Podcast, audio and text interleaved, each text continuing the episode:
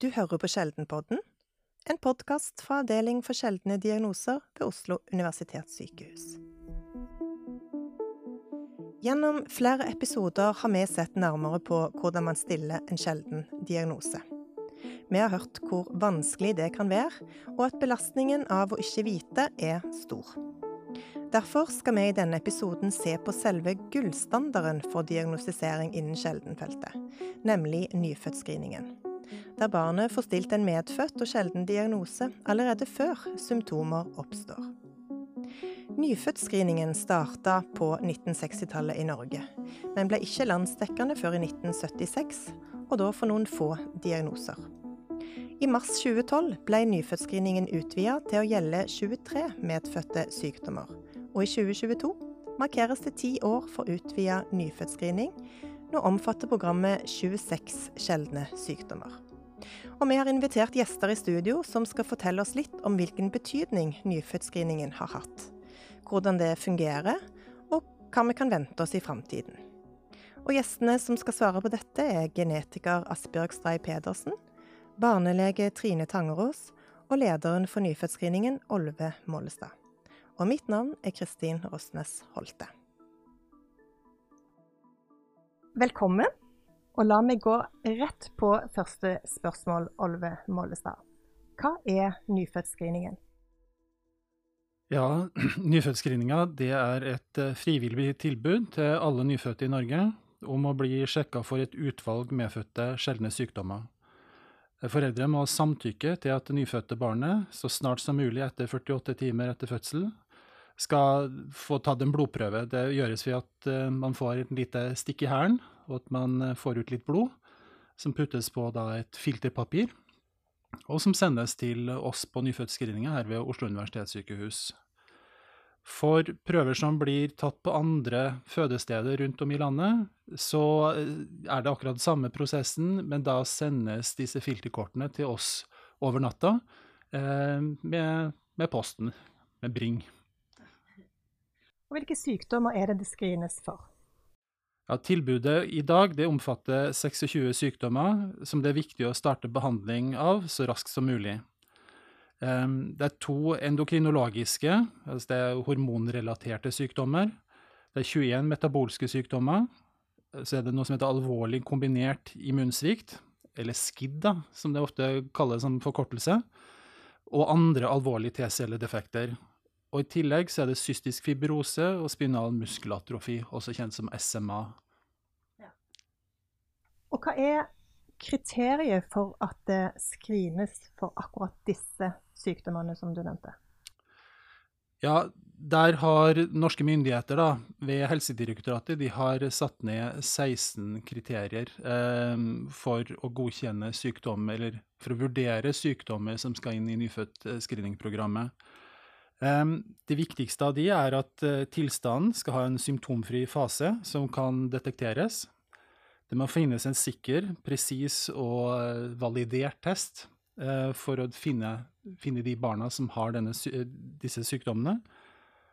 Og så må det finnes et tiltak eller en behandling som gir bedre effekt i et tidlig stadium enn det å vente på klinisk diagnostikk da, etter at de har symptomer. Sjeldenpodden har episoder om både PKU og CF, to sentrale diagnoser i screeningprogrammet. Hele virksomheten til nyfødtscreeningen er bygd opp rundt diagnosen PKU, også kjent som følgingssykdom. Hvorfor det, Trine Tangerås? Jo, det er fordi at fenylketonuri, som forkortes PKU, men som du også sa var kjent som følgingssykdom, det er den første sykdommen som man fant ut at man kunne skrine for. Eh, nyfødte med PKU, de er friske, men når månedene går, så er det en sykdom som progredierer i hjernen, eller som, som gjør at hjernen ikke utvikler seg normalt. Og når man oppdager at barnet ikke utvikler seg normalt, så er det for seint å gjøre noe med det. Eh, som dere, mange som sikkert lytter og dere vet, så var det en som heter Asbjørn Følling, som er norsk, både lege og kjemiker, som fant denne sykdommen i 1934. Men det var først på 60-tallet at andre forskere fant ut at eh, man kunne ved enkle tester i nyfødt-tiden finne ut at barnet hadde sykdommen før barnet rakk å bli syk, og det er et viktig prinsipp i nyfødtscreeninga. Og det er jo spesielt for oss i Norge at følging var norsk, uh, og la grunnlaget for nyfødtscreeninga. Men så skjer det noe. Eh, nyfødtscreeningen skyter fart. Og hva var det som skjedde i 2012 som utløste det? Egentlig så starter historien før det. For på 90- og 2000-tallet så fant man ut at man kunne ha fått ny teknologi som gjorde at man kunne finne flere sykdommer i samme lille prøven. Og den teknologien ble da tilgjengelig ikke bare i forskning, men overalt. Og det bana veien for at man kunne skrine for flere sykdommer, og da ville også Norge utvide repertoaret sitt. Så det var et langt arbeid som starta i 2006 eh, med mange nasjonale aktører, før man da For det er mange som skal vurdere disse, at disse tilstandene passer til screening. Så 1.3.2012, eh, eller litt før det, så forelå det en forskrift som gjorde at nå kunne vi starte. Men det er et langt arbeid å utvide nyfødtscreening. Hvilken betydning eh, Trine, har nyfødtscreeningen fått gjennom disse ti årene? Um, ja, internasjonalt så er jo dette et av de mest um, um, suksessrike forebyggende helseprogrammene som finnes i verden. Og samme, på samme måte har vi det i Norge. Jeg tror eh, for foreldre og for oss som er helseaktører, så er det det å forkorte diagnosen, eller tiden til diagnose, og komme til før eh, barnet blir sykt, som har fått en betydning som blir større og større jo lengre tid som går. Um, og jeg tror også at betydninga har blitt større for folk, fordi at det er en mye større kunnskap i befolkninga enn det var da vi bare hadde medfødt hypotyreose og um, følgingssykdom, eller PKU, frem til 2012. Nå er det et eh, kanskje litt eh, vanskelig spørsmål å svare på, men men det er noe som eh, vi i Sjeldenpodden lurer på. Eh, kan man si noe om hvor mye nyfødtscreeningen har spart det norske helsevesenet for med å kunne diagnostisere så tidlig som programmet gjør? Olve? Ja, det, det er et veldig vanskelig eh, spørsmål å svare på. Um, så vidt jeg vet, så er det ikke noe data, det er ikke noen rapporter eller studier på dette som, som dokumenterer dette på en god måte. Um, og hvis vi, for å holde liksom det medisinske ut, utafor og bare tenke sånn budsjettmessig, så er det jo også spørsmål om hvilket budsjett er det du ser på. Um, er det på helsebudsjettet, er det på sosialbudsjettet, kommunebudsjettet osv.?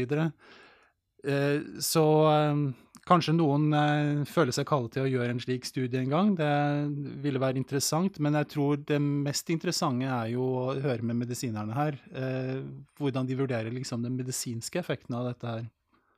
Ja, Trine, kan du si noen ting eh, om det?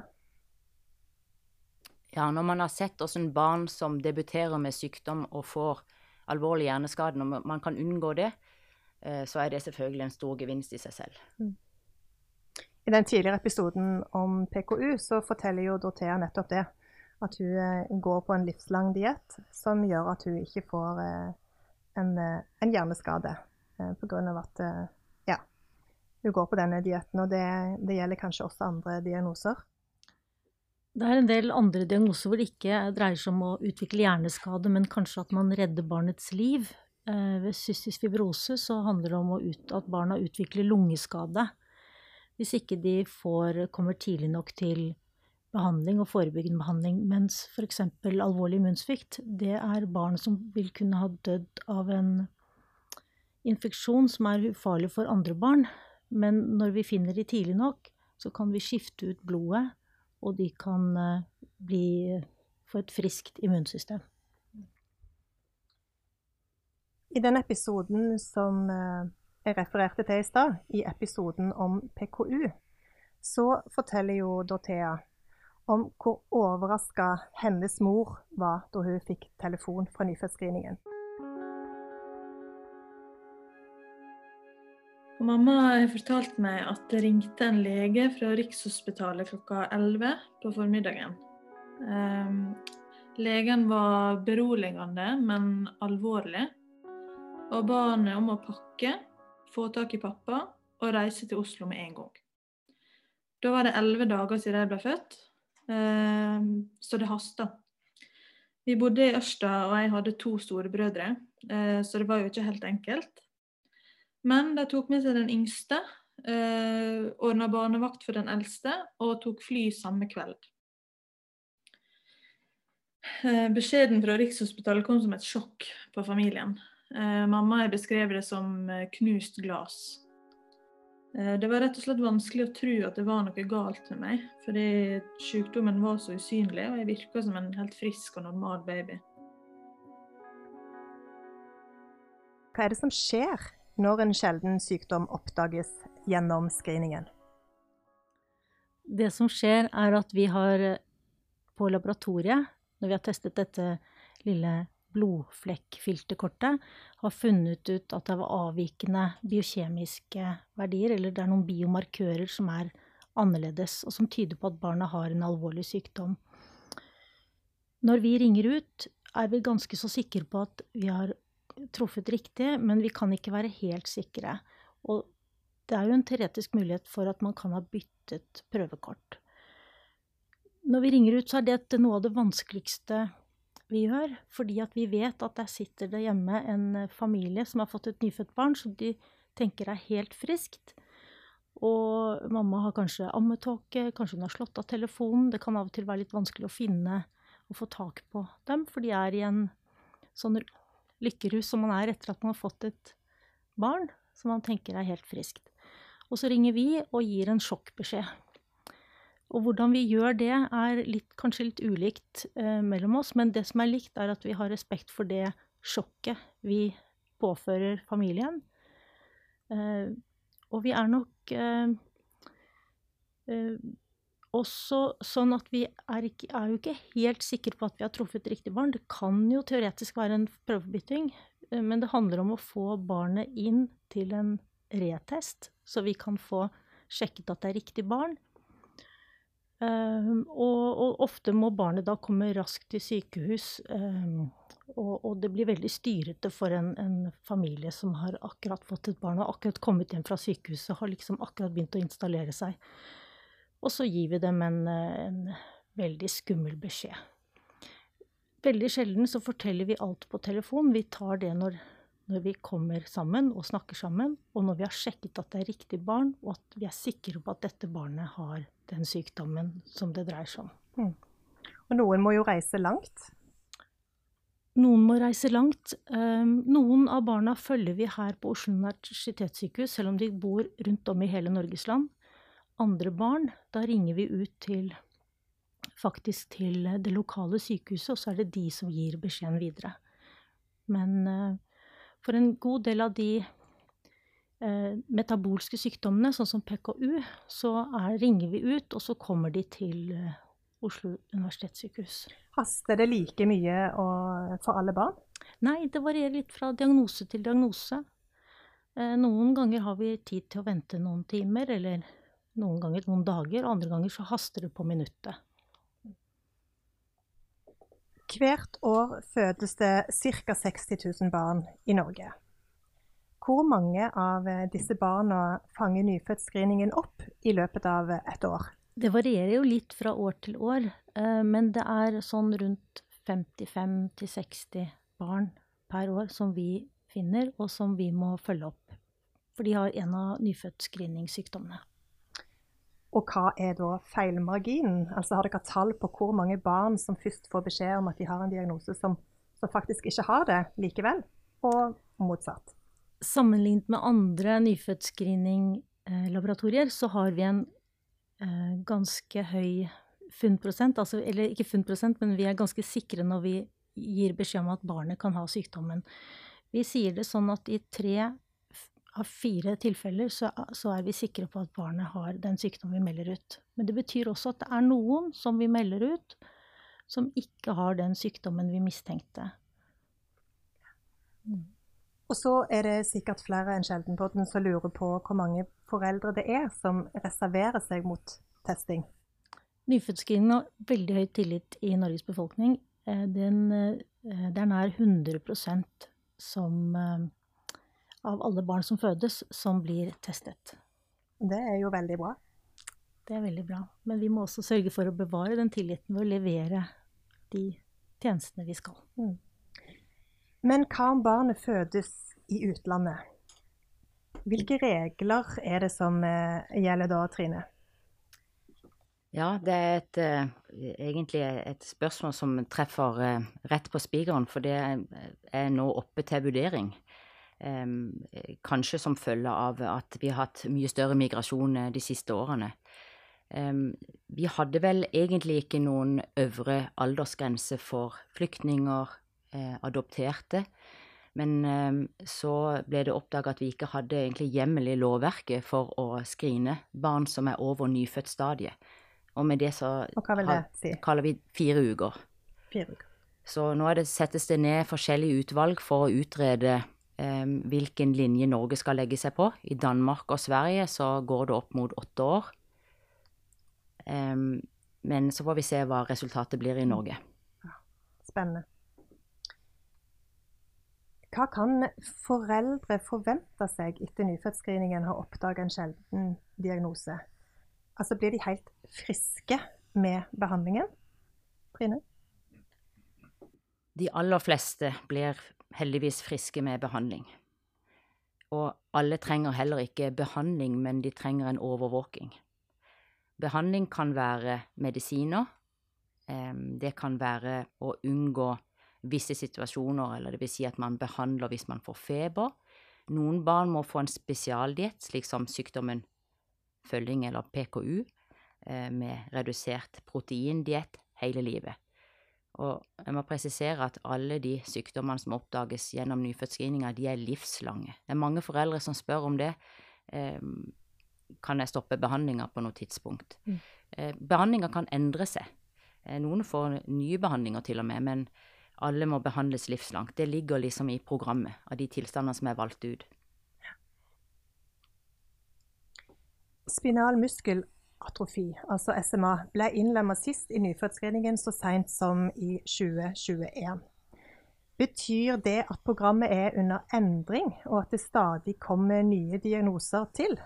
Både ja og nei. Eh, en del av de nye banebrytende behandlingene som kommer nå, sånn som behandlingen for SMA, gjør at det blir nye tilstander som er aktuelle å få inn i nyfødtscreeningen. Og så er det også noen tilstander eh, som screenes for i noen andre land, eh, og hvor vi nå søker om å få de også med i det norske nyfødtscreeningprogrammet, og hvor det har vært eh, eh diettbehandling, annen type behandling, som gjør at vi eh, tenker at de også egner seg for nyfødtscreeningen. Så det kommer til å komme flere sykdommer som vi skal ta inn i programmet, fordi, både fordi vi oppdager de flere ved de nye teknikkene, testteknikkene som vi har i nyfødtscreeningen, men også fordi det da kommer nye behandlinger for tilstander som ikke hadde behandling før. Og da er vi jo litt inne på det neste spørsmålet allerede, men, men hvem og hva er det som bestemmer hvilke diagnoser som skal med i programmet? Det er jo ikke vi på nyfødtscreening som bestemmer det, men vi er med på å skrive oss søknadene og søke om det sammen med de fagfolkene som kan denne diagnosen eller diagnosegruppen best. Så er det flere diagnoser som er på vent allerede nå? Som det er et ønske om å få inn i screeningen, Olve?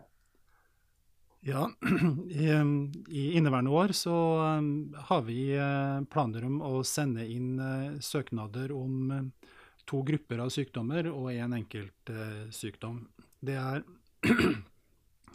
det er ureasyklusdefekter, det er remetyleringsdefekter, og så er det sigdcelleanemi som den enkeltstående eh, sykdommen som vi eh, har planer om å søke, søke, inn.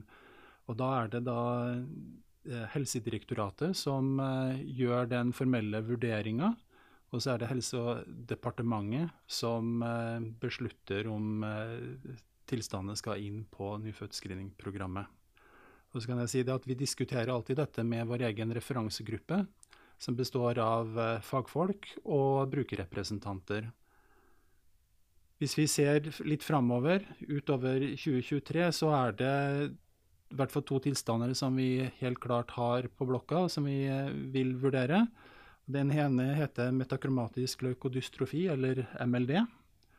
Og så er det en som heter pyrodoksinavhengig epilepsi. Det er også B6-avhengig eh, epilepsi kan også eh, være kjent som. Så det er det vi har sånn på horisonten eh, nå. Og så er det da helt opp til direktoratet å innstille og departementet å beslutte hva, hva som kommer inn på program, programmet til sist. Og det varierer sikkert hvor lang en sånn prosess er, fra diagnose til diagnose? Ja, det gjør det. Der har nyfødtscreeninga hatt litt ulike erfaringer. Men 18-24 måneder vil vel være rimelig å tenke seg at dette kan ta. Fra man sender en eh, Fra vi sender fra søknaden til en eh, beslutning foreligger. Mm. Oppdagelsen av eh, PKU, som jeg har vært inne på ved flere andre spørsmål, den viser betydningen og viktigheten av forskning.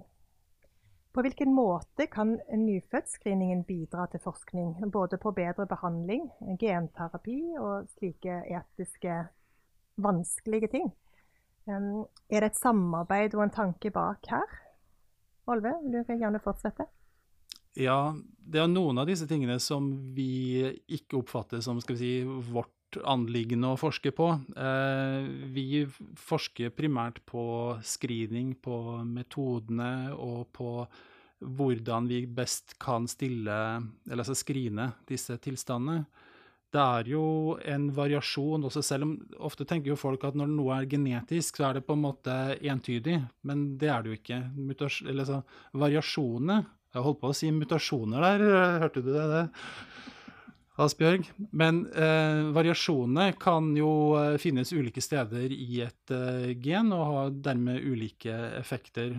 Og når vi eh, gjør disse vurderingene, enten i, på den tekniske sida eller laboratoriesida i nyfødtscreeninga, og, og, legene da gjør den medisinske vurderinga, så lærer vi jo hele tida nye ting om disse variasjonene og, og justerer oss etter det.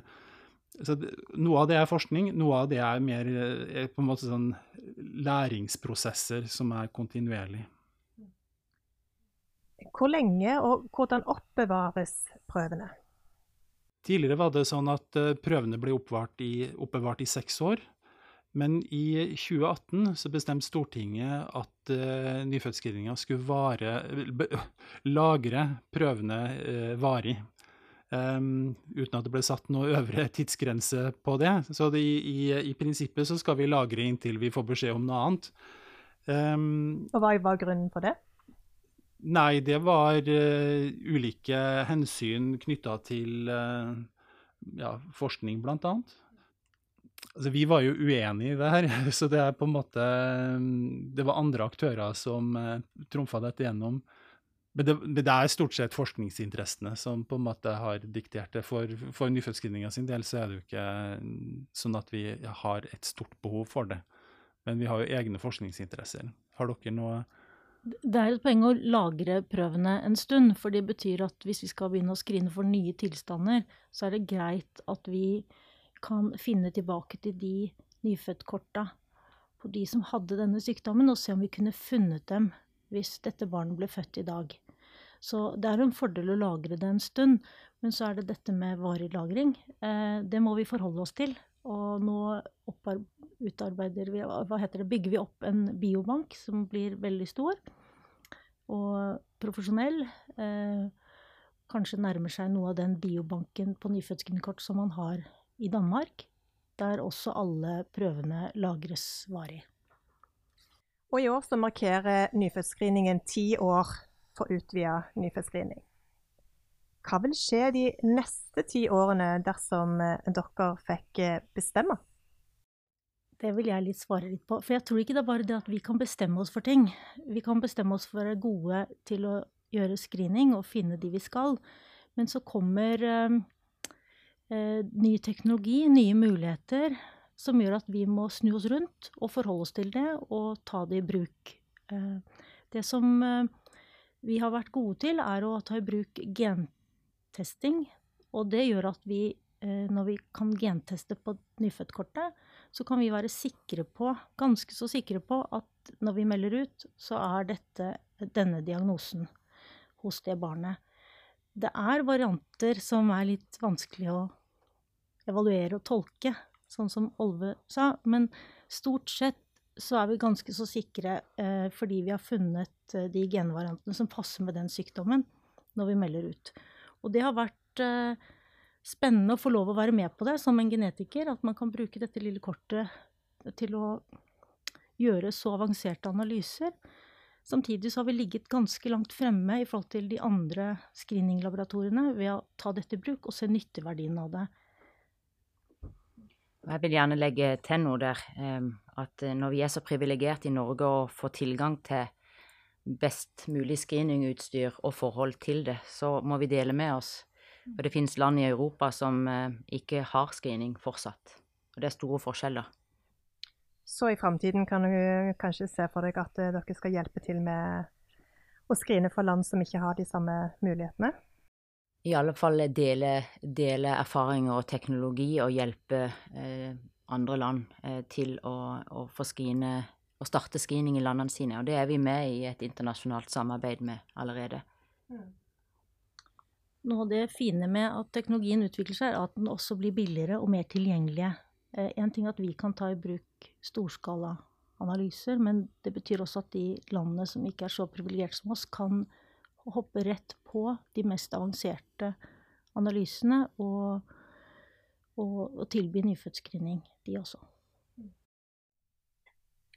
Vil dere sjøl si at nyfødtscreeningen er en gullstandard for å diagnostisere personer med en sjelden diagnose? Olve? Ja, det er jo diskutert eh, dette med, om dette er diagnostisering eller ikke. Vi kaller jo screening eh, av en grunn. Så jeg vil si at det er en gullstandard for å finne personer med en sjelden sykdom før symptomdebut. Asbjørg, vil du eh, supplere her? Jeg kommer fra en annen genetisk avdeling hvor vi gjør, gjorde genanalyser, og vi gjorde brede genanalyser, og det tok um, ukevis og månedsvis å få svar på gensvarene. Nå har jo tiden løpt videre. Sånn, at, sånn er det ikke i den vanlige diagnostiske lab nå. Men på nyfødtscreeninga så er det noen analyser, avanserte analyser som vi kan få svar på på én dag, og to dager og tre dager. Og det gjør at mulighetene for å stille diagnoser hos akutt syke barn, eh, enten via nyfødtscreening eller i vanlige diagnostiske labber, ved å ta bruk denne hurtigheten i de genetiske analysene, kan være til hjelp. Og vi har vist at det er mulig å få det til. Og for de tilstandene som er del av nyfødtscreeninga, så slipper jo foreldrene denne diagnostiske som vi kaller odysseen. Eh, altså at de må gå og, eh, og, vente og gå gjennom mange kanskje kostbare og for familien eh, tunge tider eh, for å få en diagnose. Tusen takk Asbjørg Stray Pedersen, Trine Tangerås og Olve Mollestad. Dette er Sjeldenpodden, en podkast fra Avdeling for sjeldne diagnoser ved Oslo universitetssykehus. Sjeldenpodden er produsert av Silje Systad, Marit Skram og meg, Kristin Rosnes Holte. Ansvarlig redaktør er Nina Bena. Vil du lære mer om nyfødtscreeningen, finner du det på nettsidene til Oslo universitetssykehus. Følg oss eh, gjerne på den podkastplattformen du foretrekker, så får du beskjed når neste episode er ute. Og liker du å lese et sammendrag av det du har hørt, kan du gjøre det på Sjeldenpoddens nettside. Vi høres.